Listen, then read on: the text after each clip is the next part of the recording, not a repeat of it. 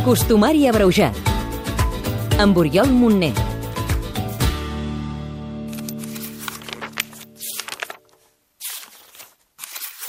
Aquí, 23 d'abril, Sant Jordi. Sant Jordi mata l'aranya.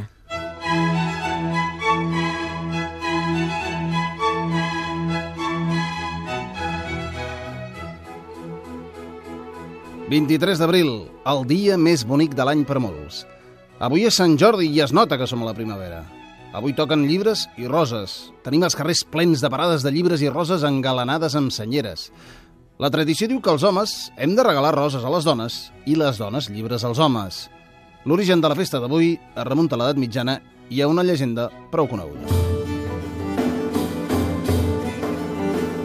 Lluís Garcia, historiador. Hi ha una tradició catalana que ho situa a la vila de Montblanc. Sant Jordi va anar a rescatar una princesa d'un drac que amenaçava una, la població.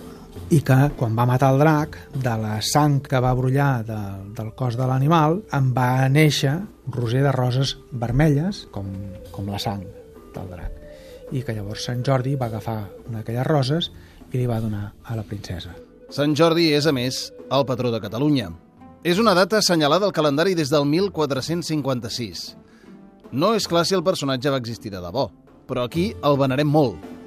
Santificat l'any 494, més enllà de la llegenda que el situa a Montblanc, algunes fonts ens l'ubiquen al segle IV com un militar romà d'origen grec que es va convertir al cristianisme i que va morir com a màrtir per no voler abjurar de la seva fe.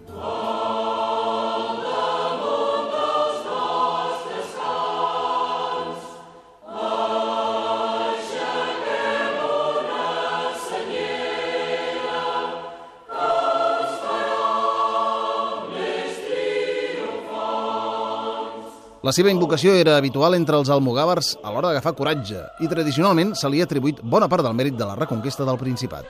Sant Jordi, entre altres coses, és, molt, molt venerat, molt, molt valorat per, pels catalans perquè sembla que en, en l'època de, de la, les guerres contra els àrabs, l'exèrcit català invocava, quan ho necessitava, la- l'ajuda de, de, de Sant Jordi, no? I Sant Jordi doncs, eh, ajudava a les tropes catalanes en la lluita contra els, contra els sarraïns. I és el patró de Catalunya. I també d'Anglaterra, entre d'altres indrets. Si el fet de regalar roses ve de la que va sorgir de la sang del drac, el fet que avui sigui el dia del llibre ve marcat per la defunció de tres grans escriptors universals en un 23 d'abril. i l'any 1926 es- s'assigna, diguem, el decret que s'institueix la festa del llibre el 23 d'abril, ja data de la mort de Cervantes. Posteriorment, la UNESCO, l'any 1995, decideix proclamar-ho també Dia Internacional del Llibre, del llibre i dels drets d'autor, en coincidència també amb la mort de, de Shakespeare i de, de l'Inca Garcilaso de la Vega. Tots tres al mateix any, 1616. I en el cas de Catalunya, a més a més, coincideix que també va morir un 23 d'abril en Josep Pla l'any 1981. Look into your heart,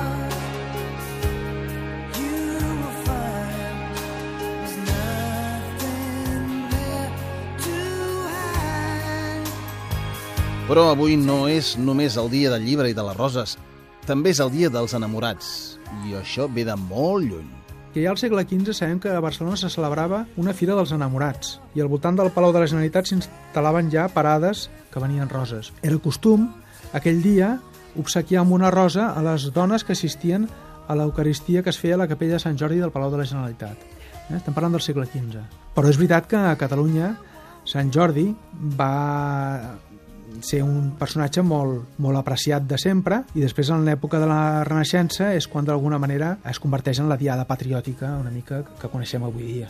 Es regalaven roses a les dones a la sortida de missa i, de fet, l'arcabisbe de Barcelona beneix avui les roses al Palau de la Generalitat. On viure-ho intensament. Tot el país viu avui intensament la festa del llibre i la rosa i del patró de Catalunya, però a Montblanc de manera especial. A la capital de la Conca de Barberà, avui s'hi fa una representació teatralitzada de la llegenda a les muralles de la vila.